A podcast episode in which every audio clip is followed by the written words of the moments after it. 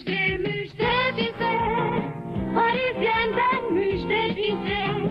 Zarif sağlam esnek çorap, rahat çorap müjde. Her bacakta bir başka güzel. Açık Bilim sunar. Tevfik Uyar'la Bilim Arası. 16 Şubat 1937 tarihinde Wallace Hume Carothers adlı bir kimyager çalıştığı DuPont şirketi adına naylon adı verilen yeni bir malzemenin patent sahibi oldu. Buluşunun ticari değeriyle ilgili bazı hayaller kurmuş olsa gerek ama nasıl bir kültürel etki yaratacağına dair muhtemelen hiçbir fikri yoktu. Carothers, polimer 6.6 adını verdiği ilk naylonu üretmeyi DuPont'ta işe başlamasından 5 yıl sonra 1935'te başardı. Malzeme hem esnekliği hem de sağlamlığı bakımından arzu edilen tüm kriterleri karşılıyordu. Naylon ismi tamamen keyfi bir isimdi. Sonundaki 10, iplik üretmekte kullanılan diğer malzemelere pamuğa yani kotona ve bitkisel ipeğe yani rayona benzesin diye eklenmişti. Baştaki N, Y ve L harflerinin New York ve Londra'yı temsil ettiğine dair bazı söylentiler olsa da ismin tam anlamıyla nereden geldiğini bilmiyoruz. Bildiğimiz şey naylona o dönemde çok fazla ümit bağlandı.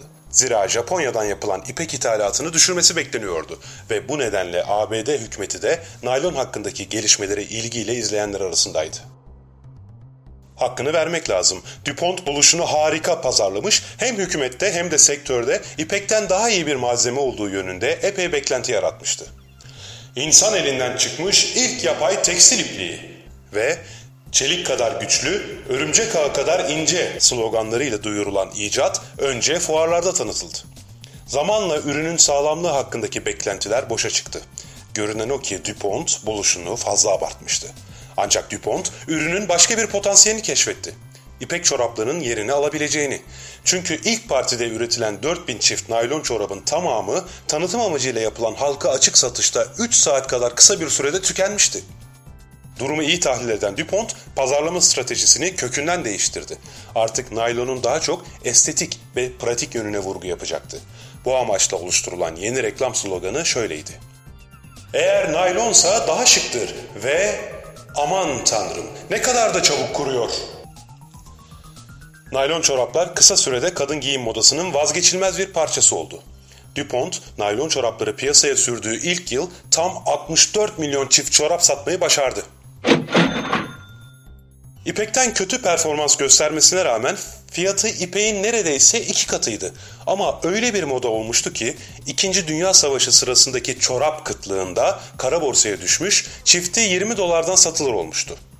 Kıtlığın sebebi DuPont'un 1942 yılı başlarında kadın giyim ürünleri üretmeyi durdurarak ABD ordusu için paraşüt ve çadır üretmeye başlamasıydı. Japonya'nın ABD'ye ipek ihracatını durdurması ipek çorap bulmayı da imkansız hale getirmişti. Çok daha seksi olduğu düşünülen naylon çorap tutkusu o kadar yaygındı ki bazı kadınlar bacaklarını koyu renge boyayıp bacak arkalarına kalemle çizgi çekip çorap illüzyonu yaratıyorlardı. Hasret 1946 yılında DuPont'un tekrar çorap üretmesiyle sona erdi sanmayın. Şirket piyasanın talebini karşılamakta epey güçlük yaşadı. Öyle ki bir defasında 13 bin adet çorap için tam 40 bin kişi sıraya girmiş, çoraplara erişmek isteyen kadınlar birbirlerini ezerek tarihe naylon ayaklanması olarak geçen izdihama neden olmuştu.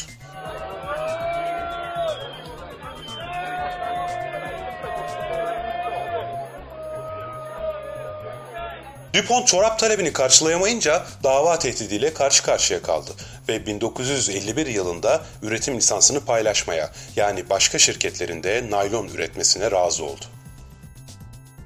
Günümüzde naylon ve türevleri giyimden ambalajlamaya, tesisat elemanlarından sağlık ürünlerine kadar gündelik hayatımızdaki pek çok şeyde kullanılıyor.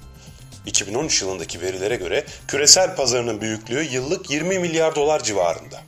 Çevreye olan etkileri ise tartışmalı. Yapılan bir araştırmaya göre 1 kilogram naylonla 1 kilogram yünün karbon izi birbirine hemen hemen eşit. Naylonun bir de kolaylıkla geri dönüştürülme avantajı var.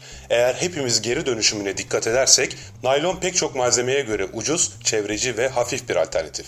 Ancak yandığı zaman son derece zehirli bir gaz olan hidrojen siyanit açığa çıkardığını da vurgulamak gerek. Naylon çorapların kolaylıkla kaçıyor olmasından mıdır bilinmez, kalitesiz kumaşlara ya da tek kullanımlık poşetlere malzemesi ne olursa olsun naylon denmesi ya da cezası büyük bir mali suç olan sahte faturanın naylon fatura olarak anılması kelimenin dilimizde pek itibarlı olmadığını gösteriyor gibi. Sevan Nişanyan'ın aktardığına göre naylon kelimesine Türkçe'de ilk olarak 1950'lerde rastlanıyor. 1960'lardaki Hayat dergisi reklamlarına bakılırsa naylon hala pek itibarlı.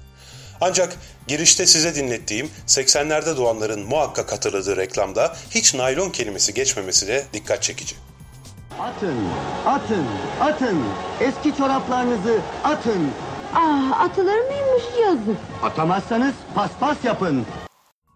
Kıssadan hisse çıkaracak olursak. Çoraplarınızı asla yakmayın. İşiniz bitince de mümkünse geri dönüşüm kutusuna atın. Ayrıca ticari hayattaysanız naylon faturadan kaçının. İtibarınızı düşüreceği gibi hapse girmenize de neden olabilir.